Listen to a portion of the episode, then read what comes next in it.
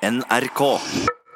Du hører på Filmpolitiet sin podkast, og i dag så er det meg sjæl, Marte Hedenstad, og min gode makker Sigurd Vik som er i studio. God dag, Marte. Og i dag så er det ikke en hvilken som helst podkast. Det er en spesialpodkast du hører på, hvor vi skal gå gjennom noen av våre aller beste personlige favoritter av Netflix-serier, eller i hvert fall serier som ligger på Netflix, sånn at du kan kose deg og berike Ja. ditt serieunivers. Så en litt annerledes podkast i dag, men eh, vi håper du liker den.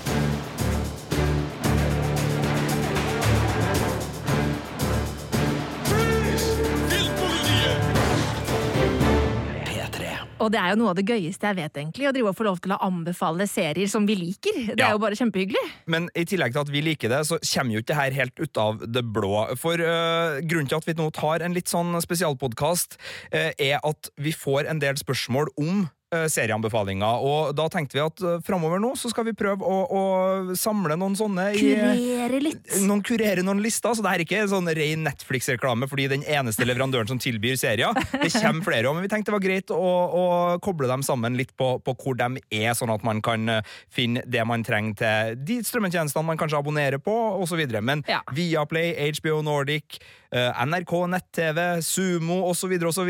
Vi, skal- vi skal komme dit etter hvert også. Ja. Men um, det er jo også sånn at øhm, det er veldig mange serier på Netflix, og øh, hvis man skal komme med tips, så kan man jo gå løs på det her på mange vis. Altså, Jeg kunne bare ramsa opp liksom sånn Mad Men, Friends, Breaking Bad, How I Met Your Mother og øh, Modern Family er Ja. liksom øh, mine tips, men dem, dem vet dere jo om. Ja, og så er det en del for eksempel, serier som jeg har snakka mye om i det siste, som for eksempel Sex Education, The Chronicles of Sabrina, altså sånne type ting. Eh, Regner vi med at hvis du har hørt på Filmpolitiet, så har du kanskje fått med deg at det er anbefalinger fra oss. Så vi tar ikke med de i dag. Nei, og vi tar heller ikke med de store Netflix-seriene, sånn er da Netflix-originaler, type Making a Murderer, eller The Crown, eller Stranger Things, eller House of Cards, eller Daredevil, eller Orange is the New Black. Du skal selvfølgelig se alle de også, Helt i eh, orden. men eh, det er ikke de vi skal snakke om i dag. Nei, det blir en blanding av noe nytt som vi ikke har anmeldt i Filmpolitiet, men som vi har kommet over, og som vi bare har så fått sansen for at vi bare må si fra om det. Og så er det noen skjulte skatter. Og her kommer det både Netflix-originaler og serier som tilfeldigvis ligger på Netflix. Eh, og vi starter vel med noe som vi syns er fryktelig morsomt. You, Eleanor Shellstrop, are dead. Cool. How did I die? Are you sure you want to hear? You were struck by a truck advertising an erectile dysfunction pill called Engorgulate. Funnily enough, the first EMT to arrive was an ex-boyfriend of yours. Okay, that's I get it. Thank you.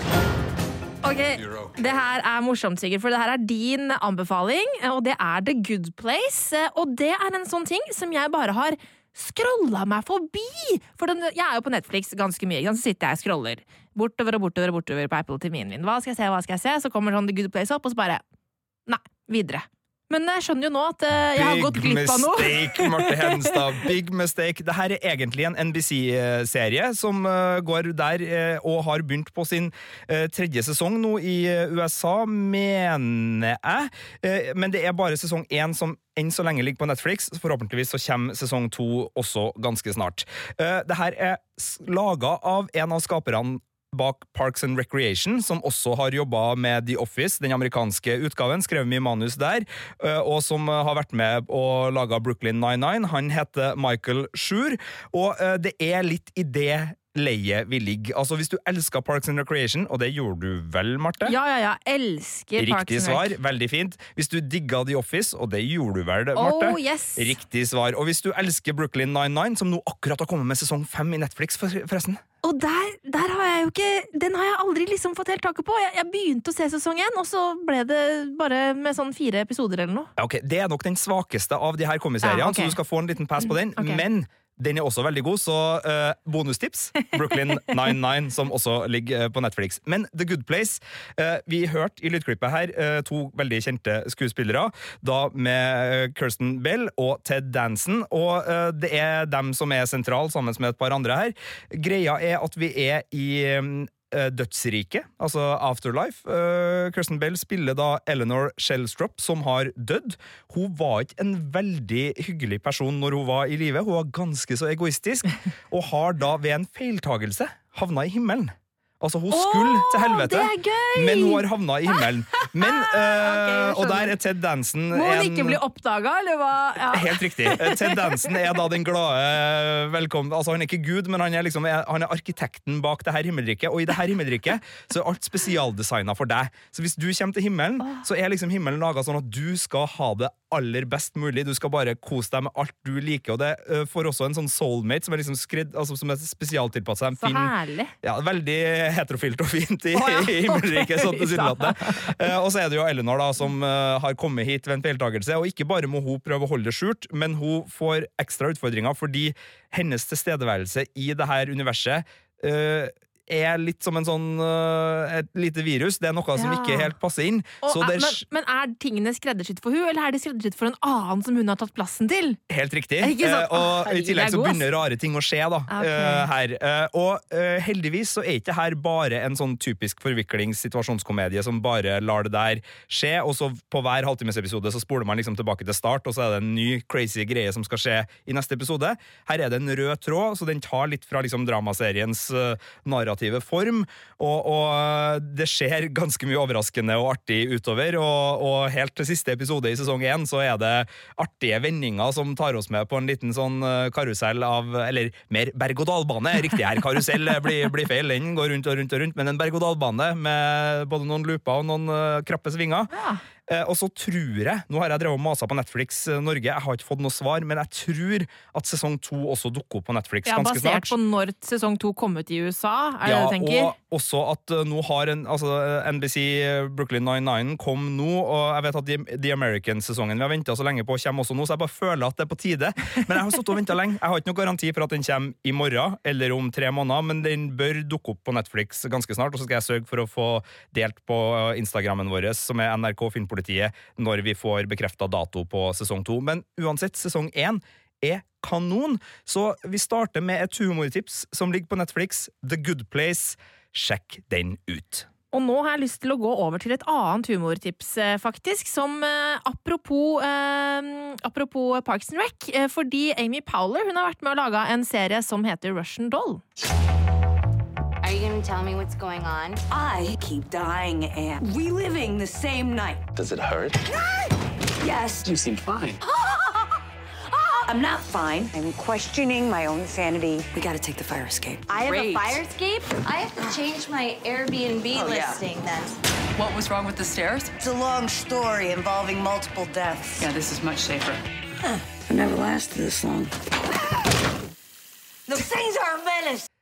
Det her er jo helt, helt ny Netflix. Ja. Marte. Det her er jo så rykende fersk at det nesten ikke har uh, rukket å komme inn. Og jeg har ikke rukket å se ferdig sesongen, jeg rukker bare å, å starte på den. Jeg har rukket å sett fem av åtte episoder, da, så med forbehold så er, så er det en anbefaling fra jeg, jeg digga første episoden, og da regner jeg med at uh, du digga de fem første godt her. Ja, jeg gjorde det, og det er jo da Amy Powler som har skrevet denne serien her sammen med Leslie Hedlund og Natasha Lyon. Uh, Og Natasha Lyon, det er hun kule, rødhåra, eh, smoky dama fra Orange is the New Black. Ja, men nå, og- nå syns jeg du underselger. Vi må jo tilbake til American, American Pie. Pie, ja. Eh, altså, det er jo der, hun er jo den kule, kule outsider-venninna Ja. i American Pie-filmene. Ja, og hun er jo fortsatt den kule, kule outsider-venninna i Russian Doll også. Hun, det er jo den rollen hun ofte har, eh, som hun kler veldig godt. Denne gangen spiller hun Nadia, som eh, har et lite tilfelle av eh, Groundhog Day-virus.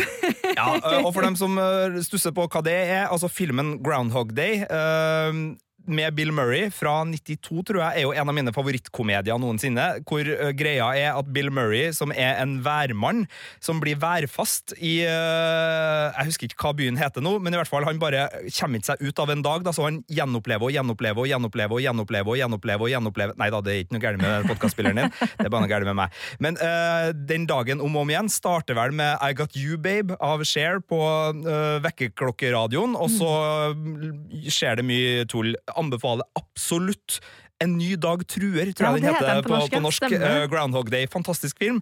Og du har jo helt rett, det her er jo en New York-versjon ja. som traff meg veldig godt, fordi uh, Vet du hvor gammel jeg er, Marte?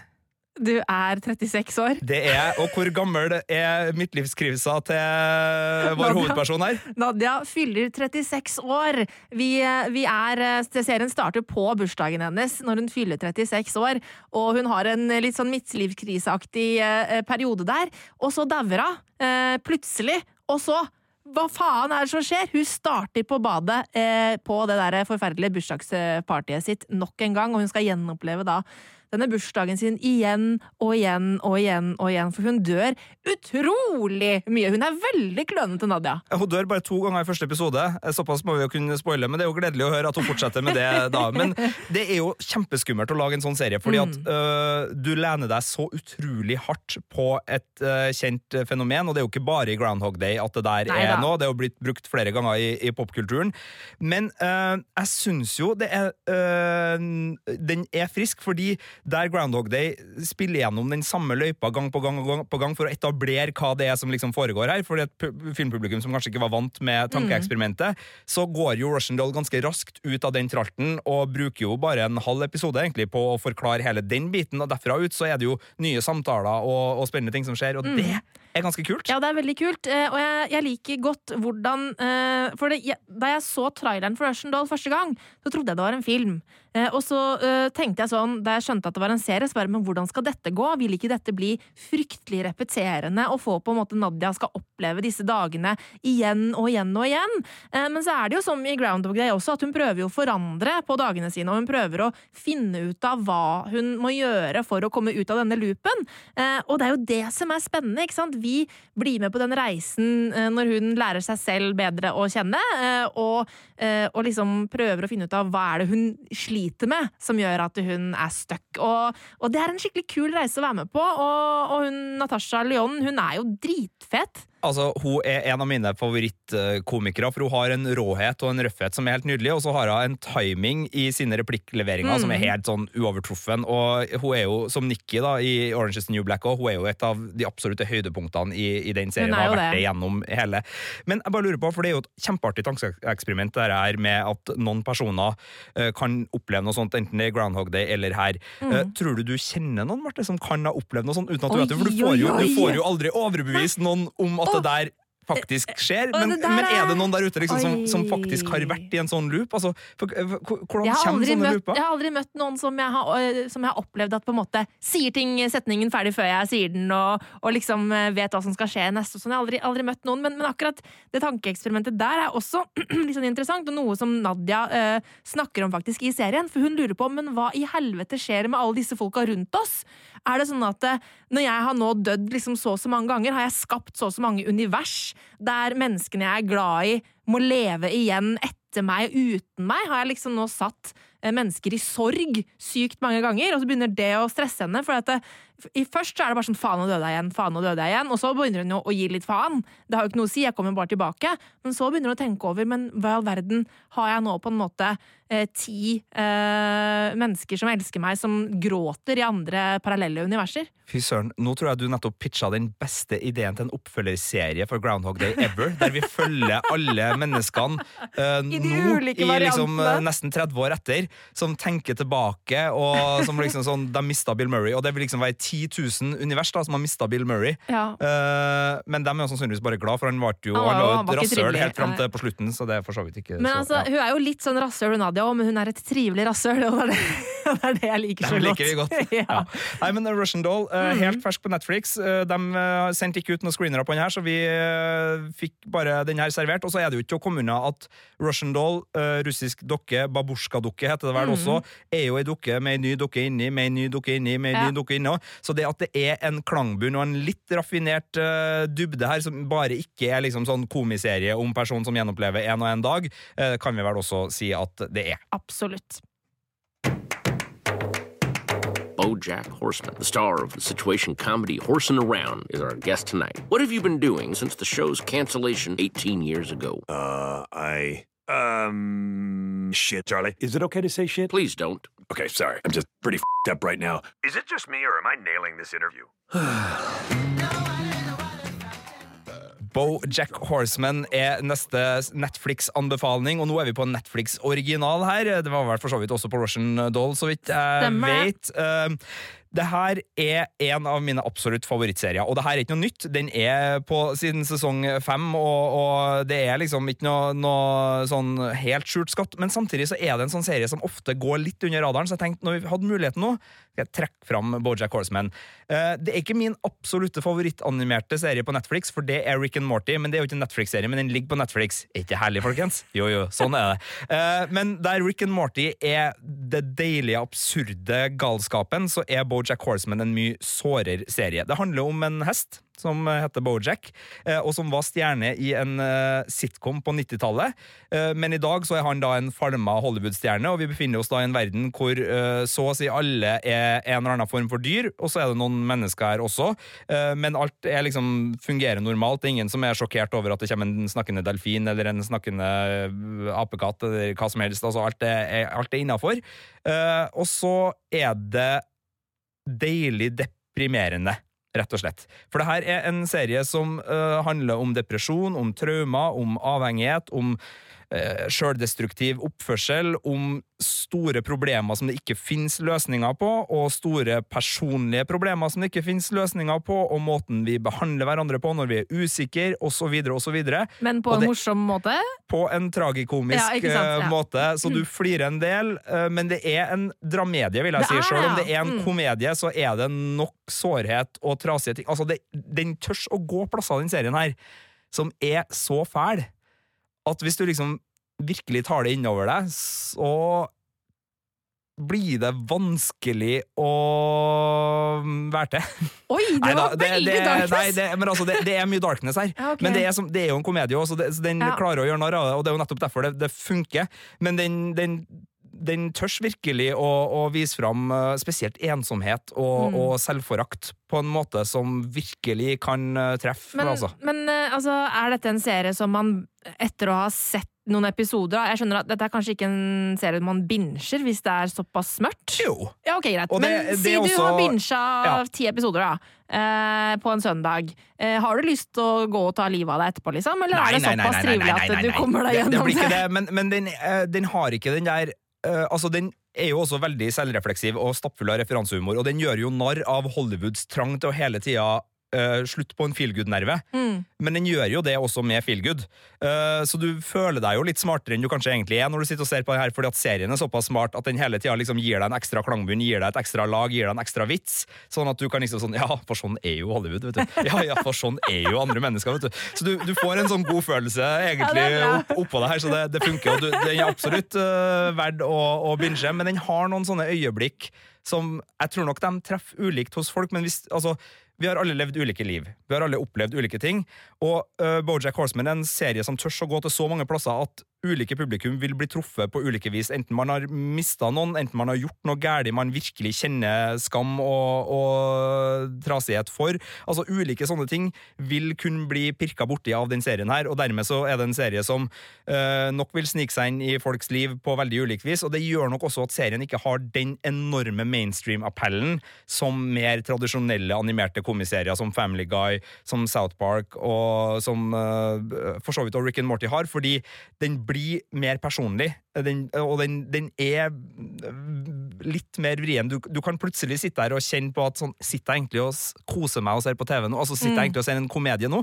Jeg gjør jo egentlig ikke det, og så går det liksom ti minutter der du er på en ganske rar plass. Men så er du liksom der du skal være igjen, og, og alt er bedre. Men det, det er en krevende den er krevende til å være en animert halvtimeserie. Det er en.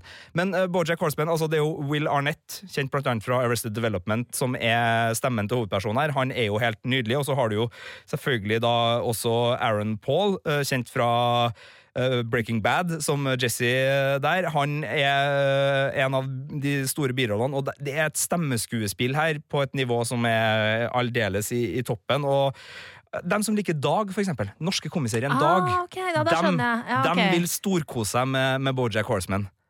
Ah, ok. Den er liksom, den er der. Den, den tørs å ta inn over seg mørket, men, men fordele det ut på en smart og fin måte. Det ble litt gjentagende, det her, men, Nei, men det Bojack fint. Horseman, altså. det det er flere altså, ja, Det er mange gode grunner til å se den serien. Den ligger med flere sesonger, så det er bare å, å komme i gang.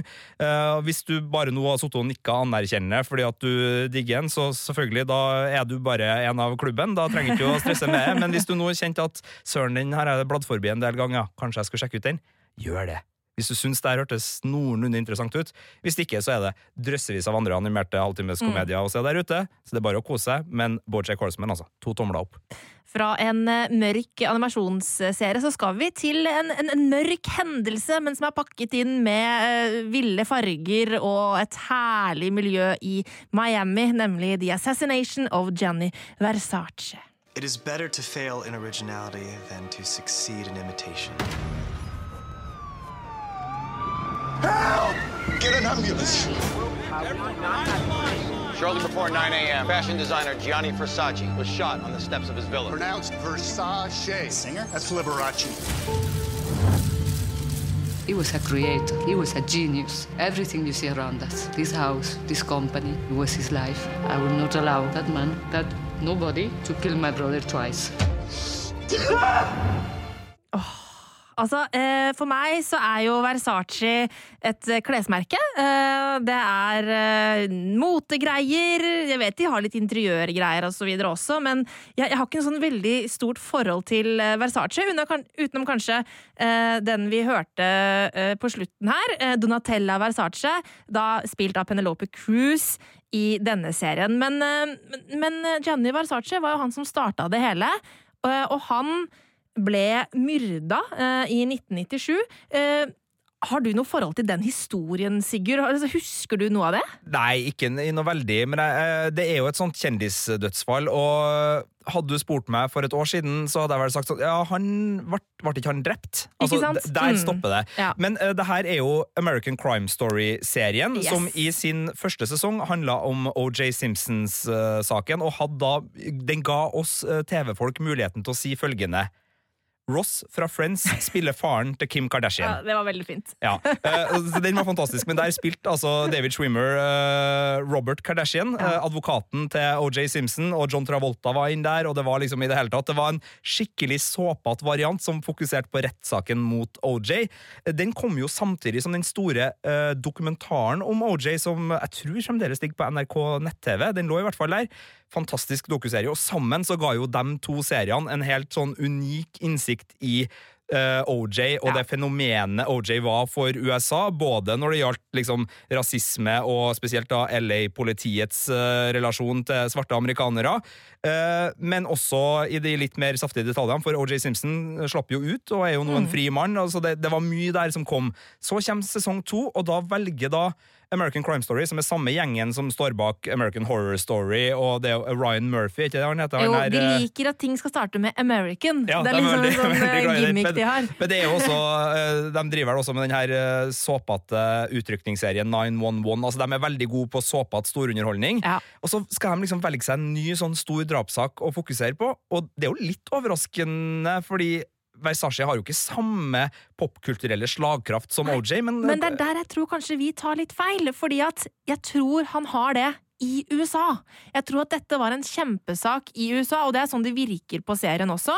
Um, at uh, selv om kanskje ikke vi her i lille Norge har på en måte fått med oss Fordi at, ikke sant, eh, OJ var jo en sportsfigur. Eh, og skuespiller. ja, ja men, men altså, han var jo allerede berømt før han ble skuespiller, eh, gjennom sport. Og jeg tenker at eh, er det noe nordmenn er opptatt av, så er det sport, liksom. Ja, og mannen med nakne pistol. sånn at, sånn at eh, jeg tenker at eh, han var nok mer kjent utad i, i landet enn en kanskje Versace var for oss her i kalde nord. Da. Jeg tipper at i Europa så var dette her en kjempestor greie. Italia spesielt, Ja, kanskje. Og jeg vedkjenner meg absolutt at min motekunnskap, spesielt Samme fra 90-tallet, da jeg vokste opp, var uh, marginal. Men jeg bare tenker at allikevel så er det Det er et nivå ned på uh, scope, da, fordi uh, Versace er død, OJ Mm. lever, altså det er en del sånne ting. Men eh, som serie så trenger jo ikke det ha noe å si. Men jeg har bare sett første ha- episoden. Du har sett det her. Hva, hva er det, og hvordan er det? Jeg syns det er kjempespennende, eh, fordi vi, vi følger jo da eh, i skoene Altså, vi følger fotsporene til morderen, eh, spilt av Darren Criss, som er mest kjent for eh, rollen sin i Glee. Eh, han vant Golden Globe for, for rollen sin som Andrew Cunnan, som er en seriemorder, rett og slett. Eh, og vi får bli med inn i hans syke verden og få se hvordan han er en skikkelig lystløgner av rang, og hvordan han går inn i liksom ulike personas for å, for å få tilgang til disse menneskene som han ønsker å ta livet av. Eh, og, vi, og vi får jo på en måte se hvordan han har et sånt Han er sykelig opptatt av Gianni Versace. Han og det virker som at han elsker han og hater han eh, på samme tid, og det er veldig spennende. Og, og han Darren Criss spiller jo helt fantastisk. Jeg skjønner godt at han har mottatt priser for den.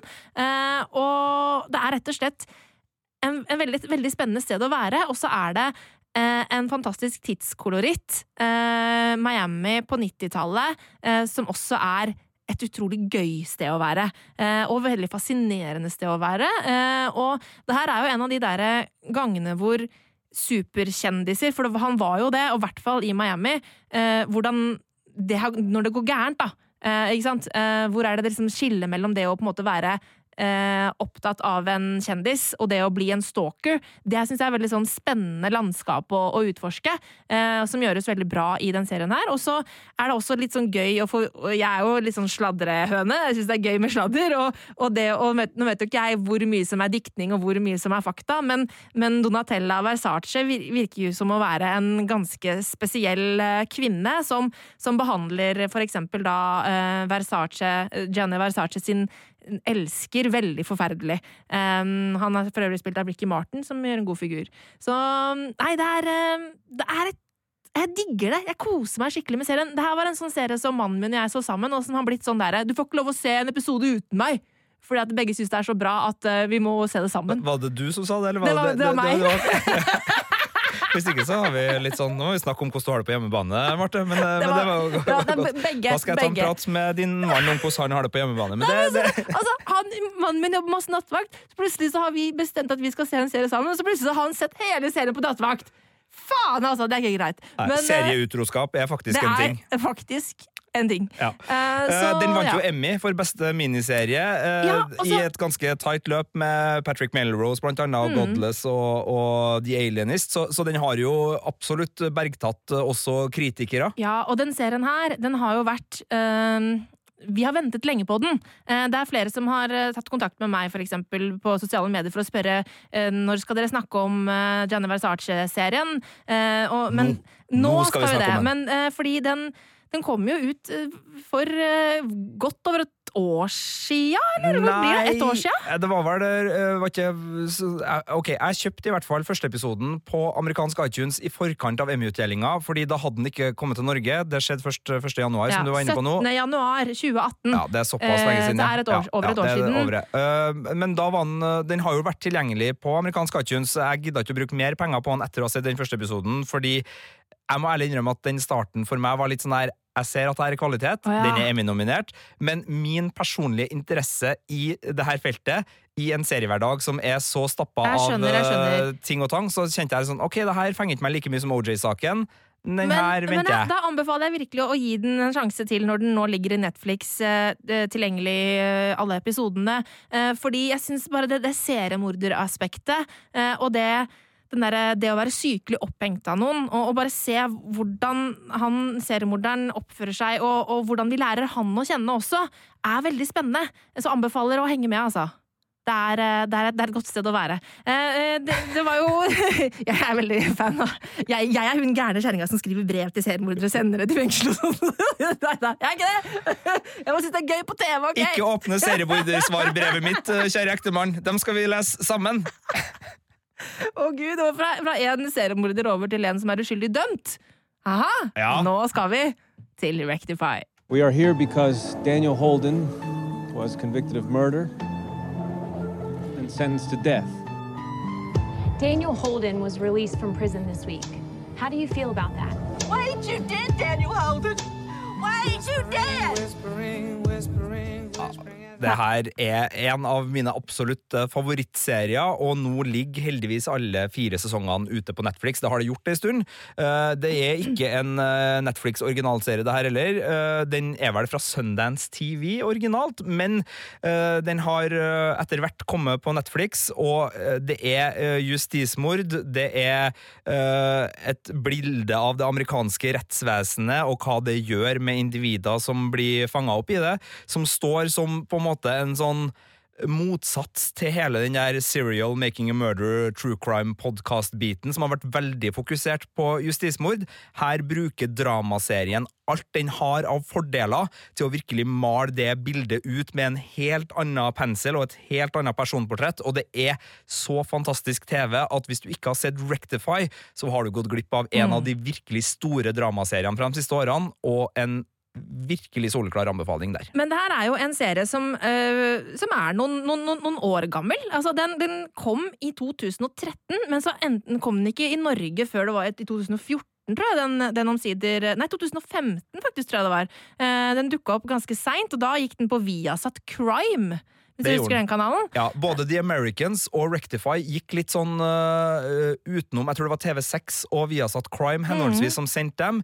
Og så hadde Netflix uh, langtidskontrakten på Ja. dem. Øh, og nå kommer jo The Americans, som også er en soleklar anbefaling. Den siste sesongen kommer jo nå i slutten av februar. Den har vi også venta over et år på. Så det er litt det samme med Gianni Versace-serien Ja. med The Americans, og sånn var det også med Rectify. Men nå, øh, den hadde jo siste sesongen sin i 2016, så nå er da alt Ja. ute Og tilgjengelig. Også, men så var det en litt sånn For jeg syns første sesongen av Rectify var helt fantastisk bra. Jeg, jeg digga det. Eh, Det er jo uh, veldig spesielt å følge en person som han har blitt kasta inn i fengsel fra han var veldig ung, og så på en måte rett og slett har vokst opp i fengsel omtrent. Eh, Og hva det gjør med deg. Når du har sittet på isolat i store deler av ditt liv, hvordan blir du da som menneske? Veldig spennende. Ja. Eh, Men så falt jeg av, for det var et sånt I overgangsfasen fra Viasat Crime der til Netflix, så var det litt for lang ventetid. Og da husker jeg at da, da, da, da glemte jeg serien. Eh, Så jeg har ikke sett ferdig hele serien. Og nå pirker du jo borti et av de store problemene med uh, tilgjengelighet på serier, og den muligheten som vi nå har i 2019 til å eh, se det når vi liksom er i Mhm. gang med det, og det der er fremdeles problematisk. Vi ser det med The Good Place også, som nå uh, ligger flere sesonger etter i Norge. Uh, Rectify var et godt eksempel på det. The Americans har vært et sånt eksempel, og det gjør jo også selvfølgelig jobben vår. Skal vi ha det på topplista for 2018? Skal vi vente til at The Americans kanskje kommer på topplista Ja, for 2019? Ja. Er ikke den veldig bakpå da?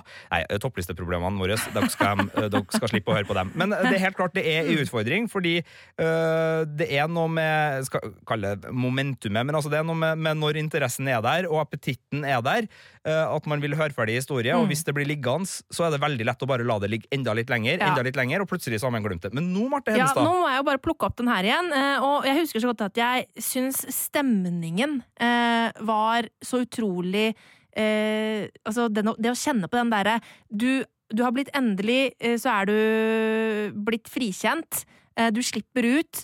Eh, og så er det ingen som tror at du ikke drepte hun jenta. Nei, og det her er også en litt sånn sørstatsgotisk fortelling, så hvis du liksom elsker type Sharp Objects Mm. og den stemninga der, så vil du finne uh, paralleller i denne historien. Men det handler da også om uh, Daniel Holden, som blir uh, dømt for drapet på sin 16 år gamle kjæreste Hanna, og så sitter han 19 år på death row i USA, før de oppdager nye bevis som uh, gir nok tvil til skyldspørsmålet til at han slippes fri. Og han skal da ut i lokalsamfunnet han kommer fra, hvor alle sammen har sett på han som den gale drapsmannen i alle de årene. Og det er ikke sånn at det øh, er helt sikkert at han ikke har gjort det heller. Altså, vi, vi ligger i, i uvissheten her, men han er en sympatisk fyr. Han er veldig stille og tilbaketrukken. Han kommer tilbake til familien sin, hvor både søsken og nye ektefeller der, og foreldre og alle, må da relatere seg til hans øh, tilbakekomst, og Mm. hva det gjør både med dem som familie, med dem som personer, og ikke minst da lokalsamfunnet. Og det er en fantastisk serie. Eh, fire deilige, deilige, deilige sesonger. Og nå må jeg bare rekke opp hånda, for jeg må bare si at her i Norge så er det sikkert ganske mange som har sett Frikjent. Eh, men som ikke har sett Rectify. Eh, Ja. Og det er jo litt det samme temaet som tas opp, men herlighet, Rectify er sånn ca. en milliard ganger bedre. Eh, så vær så snill. eh, Det var litt, ja. altså, Unnskyld til frikjentskaperne der ute, Nei, sorry, men, men, sorry, men- men nei, Rectify, du, altså- Men, men lell, Ja. dere vet det, dere òg. Ja. Kjære frikjentskapere, Rectify er bedre. Uh, frikjent hadde sine fordeler, og det, det var mye absolutt. attraktivt var der. den, men ja. Men Rectify er veldig mye bedre, Mm. uh, rett og slett. Uh, så sjekk ut Rectify. Fire sesonger eh, ligger på Netflix. Den er rett og slett nydelig. Eh, og med det så går vi fra eh, justismord, eller muligens justismord, og over til eh, stjernehimmelen. Captain Christopher Pike requests permission to come aboard. Well, Commander, this is awkward, but the best way to get into a cold stream is to jump right in. I'm here to take command of the Discovery under Regulation 19, Section C. Your directive is only instituted when an imminent threat is detected. Federation sensors picked up seven red bursts, spread out across more than 30,000 light years. These mysterious signals are beyond anything we understand. Is it a greeting? Å, herlighet! Sesong to av Star Trek Discovery er ute i Netflix. Endelig! Herregud, jeg elsker den serien! Eh, har du sett den, Sigurdvik? Du har Jeg sett, har eh, sett sesong første jeg. sesong? Hele? Ja. Ja. Uh, og den fikk jo, etter de to første episodene, for det var jeg som anmeldte første sesongen, de to første episodene fikk terningkast fire av meg. Ja. Uh, så ble det mye bedre. Ja, ikke sant? Fordi den starta litt sånn eh, Star Trek-sterilt. Fordi det, det er jo ikke å komme bort fra, Marte, og nå, nå, nå ser du stygt på meg allerede, men altså, det er nok Star Trek, egentlig. Altså, vi, vi trengte egentlig ikke mer Star Trek. Det, det, sånn er det bare. Det, er filmserier, det er alternative altså, tidslinjer, det er masse gamle filmer, det er masse nye filmer, det er masse serier. Det er egentlig nok Star Trek.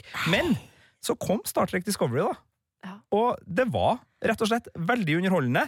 Og i en eh, verden hvor mange av de her eh, veldig sånn sjangerorienterte, både Netflix-serier og andre, for det her endte vel opp med å bli en Netflix Nei, det er vel ikke en ren Netflix-original, det her heller. Jeg tror den har et annet opphav i USA. Jeg tror det er derfor den går ukentlig og ikke er sluppet Ja, i, i en smelle. Er. Men i hvert fall, eh, du har jo senest nå sett en hekseserie i helga, har ikke du det? Å, herregud. Jeg Always a Witch.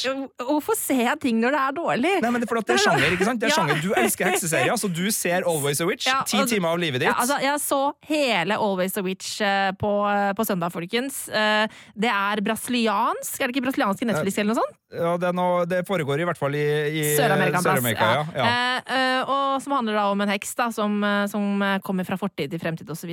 Um, hvis ikke du er ekstremt opptatt av hekseserier, så kan du skippe den. Ja, og, og sånn eh, kan jeg se for meg at mange sitter med Star Trek Discovery òg. Ja, og det er synd. ja, for det er nettopp derfor vi gjør det her nå. Fordi Ja. Star Trek Discovery er ja, det er nok et eksempel på at det kommer en sjangerserie i et univers du føler at du har fått dosa di og vel så det, men så er den Den er fantastisk. Eh, og jeg elsker Sonico og Martin Green i rollen som hovedrollen Michael Burnham.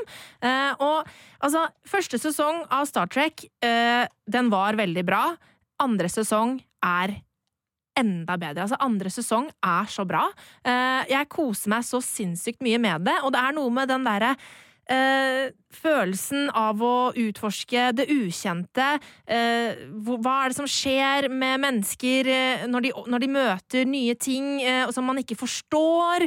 Eh, og i sesong to så er det dette som vi hørte et lite mm, ja, i klippet her, et sånt signal som de må oppsøke, og de oppdager noen vesener som, som, som ser litt sånn ja, overnaturlig ut, og hvordan skal de klare å forklare hva dette er? Hvordan skal de finne ut av hva dette her er for noe? Fordi eh, vi tror jo ikke på noe overnaturlig eh, i Star Trek. Her skal alt forklares med vitenskap, det, og det liker jeg veldig godt. Eh, og, nei, eh, og, og det som er, er at vi har jo eh, Vi er jo på, um, på dette skipet med en helt drøss av diverse kule figurer, eh, og i sesong to så møter vi jo en eh, ny figur som man har møtt tidligere uh, i, eh, i, i Star Trek-universet, nemlig Captain Pike.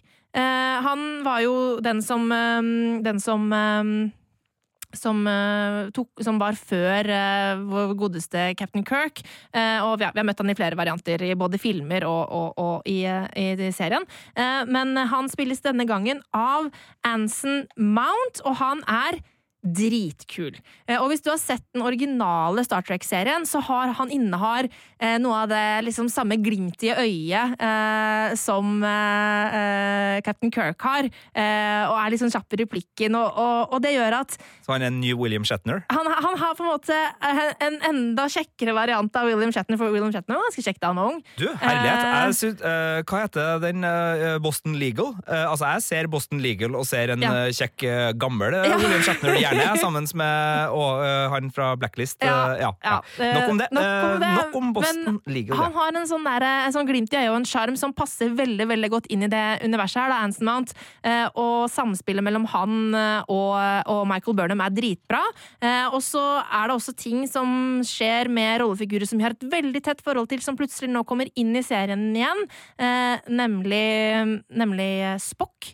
Ja. Eh, han skal vi eh, lure litt på hva han driver med i denne andre sesongen. Eh, og det er i det hele tatt veldig mystisk og spennende og interessant, og liksom den gir oss alle de der følelsene som Star Trek skal gi oss, og mer til. Og jeg, jeg hater at det kommer ukentlig, fordi jeg, altså, jeg koser meg så mye med hver blitt- episode, og jeg blir sånn der Ja, men jeg vil ha mer! Hver gang episoden er ferdig, så blir jeg sånn Ja, men Men vi skal, jo, vi skal jo snart nå begynne med Game of Thrones, uh, bare å ikke ja, bare ha Netflix. Men, er men skal du allerede nå liksom være på det Du kommer til å bli krakilsk eh, sånn cirka rundt episode tre i Ja. Game of Thrones. Hvis du ikke tå, altså Du må lære deg å glede deg over å glede deg. Ja da, jeg, jeg, og det gjør jeg jo. Det er jo herlig å ha en sånn serie også, egentlig, som man kan kose seg så mye med. Men det er bare det at eh, Altså, jeg tror nok man får mer ut av uh, Star Trek Discovery hvis man har et uh, forhold til Star Trek fra før av. Uh, altså, du kan jo putte på Klingon undertekster i Netflix, for eksempel. Noe Det jeg syns er Det- jævlig fett. Det syns jeg er vanskelig. Jeg må Ja. ærlig innrømme at min klingon er såpass dårlig. Da er det veldig vanskelig å skjønne hva klingonene sier, hvis ikke du kan lese klingon. Ja. Men nok om det. Men du får mer ut av det hvis du er Star Trek-fan fra før, men jeg tror òg at det her kan være en fin inngang til Star Trek-universet, hvis ikke du kjenner til det. Fordi eh, serien er så utrolig bra at jeg tror den kan skape kjærlighet for Star Trek for deg som ikke har sett det før. Ja, og så må det jo sies at uh, medskaperen og han som skulle være den store arkitekten, så har det endra seg litt på det her, er jo Brian Fuller. Han er kjent for å ha laga noe av det mest estetisk vakre og vemmelige som finnes på TV, nemlig Hannibal. Mm. Uh, serien med Mats Mikkelsen og Lawrence Fishburne. Uh, og han laga første sesongen av American Gods med øh, som er helt nydelig også visuelt, øh, med både Peter Stormare og, og Inn uh, McShane. In McShane, ja. Mm. uh, og eh, eh, det er jo også laga en veldig Altså, det, det er ikke, ikke sci-fi-ræl, det her, Nei, nei, nei. eh, utseendemessig. Det er veldig forseggjort. Det er veldig Det er fine farger. Det er en veldig sånn nesten magisk eh, fargehimmel som, som spiller seg ut, eh, i hvert fall i, i sesong, var det det, som, Mm. som trekker deg inn. Altså, det er ikke kaldt og sterilt på noe som helst vis. Det er veldig mye varme. Det er veldig mye øh, Altså, kulissene er så forseggjort. Detaljnivået er veldig god. Så jeg liker jo å være i Star Trek-verdenen her, for at jeg føler at det er en litt sånn påkosta, og, og det er et kjærlighetsbarn, rett og slett. da. Mm. Så skjedde jo ting underveis med budsjetter og samarbeid, så Brian Fuller er vel ikke med lenger så hands on som han var, var tenkt å være. Men jeg syns de har fått, fått veldig mye ut av, ut av den Ja. visuelle verdenen. Eh, og som sagt, nå, eh, nå syns jo jeg at eh, epis nei, episode. Sesong to er eh, enda bedre eh, enn en eh, sesong én. Eh, sånn at eh, hvis du likte sesong én, så herregud, så vet du jo at dette er bra. Men, men hvis ikke, så har du veldig mye godsaker i vente. Altså det, nå har det vel kommet Det er tre episoder som er ute nå. Eh, ja, det blir eh, straks fire, og eh, ja, jeg det her er dritbra. Det er knallbra. Eh, få det på, og ikke avfei det. Eh, selv om det bare er Star Trek, hvis du er en eh, som tenker på den måten. sant? Du skal se sesong to også, sant, Sigurd? Jeg skal det, og så må jeg bare få komme at selv om jeg snakka om James Bader og William Shatner i stad, og Boston Legal, så har jeg nå tatt et lite søk mens vi har snakka, og det virker ikke som noen av strømmetjenestene her i Norge har Boston Legal eh, liggende Nei. ute. Jeg har sett alt av Boston Legal, så ja, jeg er fan. Altså, jeg jeg er stor husker fan. jeg pleide å se på det, men det var sånn Hvorfor så jeg på det? Det gikk på TV, et eller annet- TV3 eller noe? Der har du svaret. Hvorfor så jeg på det? Det gikk på TV. Uh, nei, du hadde jo, det var jo uh, Var ikke Ally McBeal, uh, Boston Legal og Boston Public som eh, var liksom i samme I sånn? David E. Kelly-universet, og som mm. hadde samme Som var crossover. Eh, Er det også. crossover, Jeg tror det er crossover-greia der. Eh, nok om eh, Boston Men Legal, altså. William men- Shatner er, han er kul. Han er kul, altså. Ja, altså Og eh, bare en liten, en liten Ligger den originale Star Trek-serien? Ja, den gjør det. Og det var det jeg skulle til å si nå, at hvis du uh, digger William Shatner og ikke har sett den originale Star Trek-serien, uh, så må du gjerne begynne å se den. Den er jo gammel, uh, men den er god. Men du må ikke bli på en måte mm, eh, Du må ikke bli redd av å se pilotepisoden, eh, for da, der er ikke William Shatner med. Der er det da Captain Pike da, som, som er, eh, er kapteinen, um, og det er det kun i den, i den eh, piloten, sånn at eh, det, William Shatner kommer. Så bare stay tuned. Men ok, nå har vi snakka nok om eh, William eh, Shatner. Eh, Men vi har ikke snakka nok om sci-fi. Nei, det har vi absolutt ikke. Take my love, take my land, take me where I cannot stand. I don't care, I'm still free. You can't take the sky from me. Hva, Marte? Countrymusikk? Eh, Det skulle jo handle om sci-fi. Det her er den eneste gangen hvor jeg syns at country er sinnssykt fett! Ja, det er jo- det er bare nitrist, for country er jo det noe av det beste som fins. Det var ikke det jeg skulle si. Dette her er en av de få gangene jeg syns western er sykt fett! Ja, Du har et problem. Du liker ikke westernsjangeren spesielt godt, og det syns jeg er kjemperart. All den tid eh, atter en konge Nei, To tårn for så vidt er altså, en westernfilm. Nå begynner vi på den krangelen der igjen. Eh, men du mener jo at Game of Thrones tidvis òg er western. Ja, ja, ja. Det er helt Eh, riktig. Men det som jo er western, eh, det er Firefly. For det er en space western, og det liker jeg skikkelig godt. Akkurat som Star Wars. Ja, Western. Faktisk, faktisk, det er jo en liten Du liker western, så du har bare ikke helt kommet dit ennå, Marte. At du er villig til å innrømme at du liker western. Altså, det fins bra western, ja, altså, men det er, bare, det er ikke min foretrukne sjanger. Nei, men vi skal runde av denne tips om eh, ting vi liker veldig godt på Netflix-podkasten med en eh, skikkelig blast from the past. Fordi Yes. der eh, helt splitter ny sci-fi som vi digger, er eh, Star Trek Discovery, så har nå en av våre all time sci-fi-favorittserier også komme tilbake til Netflix. Ja, halleluja, Firefly! Den har ligget i Netflix før, men så har den vært borte, så har den kommet tilbake, så har den vært borte, og nå er den endelig tilbake. Og herregud, det her det er Ross and Rachel-varianten av uh, serie- og strømmetjenesteforhold. Eh, kan ikke de bare bli sammen? Og folkens, uh, det, du må se Firefly. Altså, hvis ikke du har sett det. Altså, Nathan Fillion, uh, en av de mest sjarmerende skuespillerne som fins.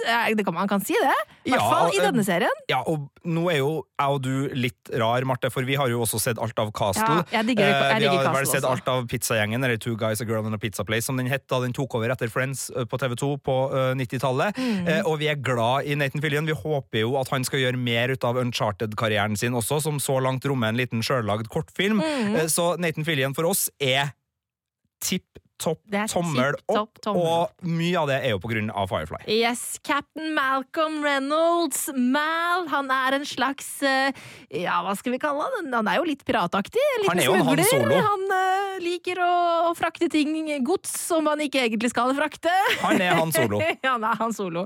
Uh, og dette her er en sånn ja, Det er en herlig serie. Eh, Det er jo Joss, Joss Whedon som har laga den eh, back in the day. Og dette her er rett og slett et, et bare sånt artig crew å følge på tur ute i, eh, i verdensrommet. Eh, Det er skip som skal eh, lutes. Det er bounty huntere som skal fuckes og alt mulig rart. Og det skjer det både det ene og det andre. Og det er rett og slett bare en, en skikkelig sånn underholdningsfest å bli, å bli med på den turen her. Ja, den, den har alt, og, og den har den her eventyrfølelsen som man ofte søker i denne typen serier, men ikke så ofte alltid finner. Mm. Men her er den skikkelig skrudd til. Og øh, altså, det her er jo noe Josh laga etter Buffy, men den har litt det samme drivet som spesielt første sesongen av Buffy har, eller de tidlige sesongene av Buffy, eh, og som man kan finne igjen i alt fra Game of Thrones til eh, ja, Star Trek Discovery til eh, serier som Briscoe County Junior, for dem som husker andre gamle TV2-favoritter. Men altså, det, det er bare et eller annet med at man er inni det der sånn eh, Altså der potetgullarmer bare går Mm. mekanisk, og man bare sitter og er helt sånn eventyrfrelst og koser seg inn i det universet noe så inn i hampen. Ja. Det er liksom, det er perfekt, da.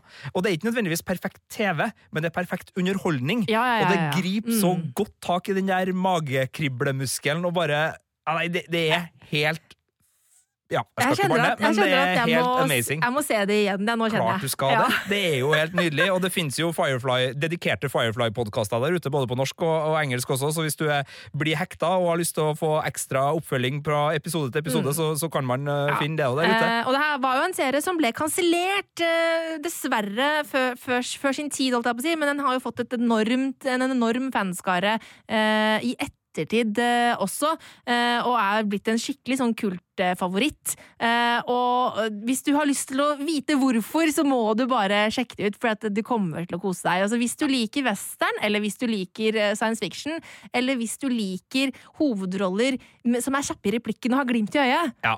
da kommer du til å like Må, det. eh, bare legge inn en liten sånn uh, disclaimer. Hvis du elsker hard sci-fi Ja, da kommer du ikke til å elske det. Det er ikke sikkert. Altså, jeg sier ikke at du nødvendigvis kommer til å mislike det, men altså, det, her er Hvis vi Interstellar er, for, er favorittfilmen din, og det er bare sånn type eh, Ja, science fiction du liker, da, da tror jeg ikke du Nei, altså Hvis du syns Star Wars er teit, Ja, så kan du la være å se Firefly. men hvis du elsker Star Wars Men hvis du, hvis du syns Star Wars er teit, men elsker western ja, du, altså, eh, du Oh. kan faktisk eh, Den er lettere å komme inn som westernserie enn det Star Wars uh, første filmen er som, altså som Ja. space western. Ja, Så det er Mhm. mer western i Firefly enn i Star Wars. Det er det. Uh, altså, det er ikke noe problem for meg å hoppe fra Deadwood til Firefly til Godless. Alt det går, det går fint. Men, eh, men, det, men det er jo veldig Han Solo, Star er Wars-vib over det det, hele her. Men det er nok kreativitet og nok egenart til at det ikke føles som noe, noe rip-off på Nei, noe som helst vis. Og så er jo Nathan Fillion en, en annen type sjarmør enn Harrison Ford var. Ja. Så, så de har liksom ulike uh, oh, sider og, Fillion, og, I og love spill på der. Ja. Ok, jeg beklager. Men uh, det var uh, Det ble sju tips, det, til Netflix. Vi starta med å anbefale The Good Place. så anbefalte Marte Russian Doll. Så anbefalte jeg Rectify. Nei, det var Bojack, Horseman. Horseman. Så var det uh, American Crime Story sesong to, The Assassination of Gianni Versace. Så var det Rectify. Så var det Rectify, og så var det Star Trek Discovery, og så en liten Firefly-godbit på slutten der.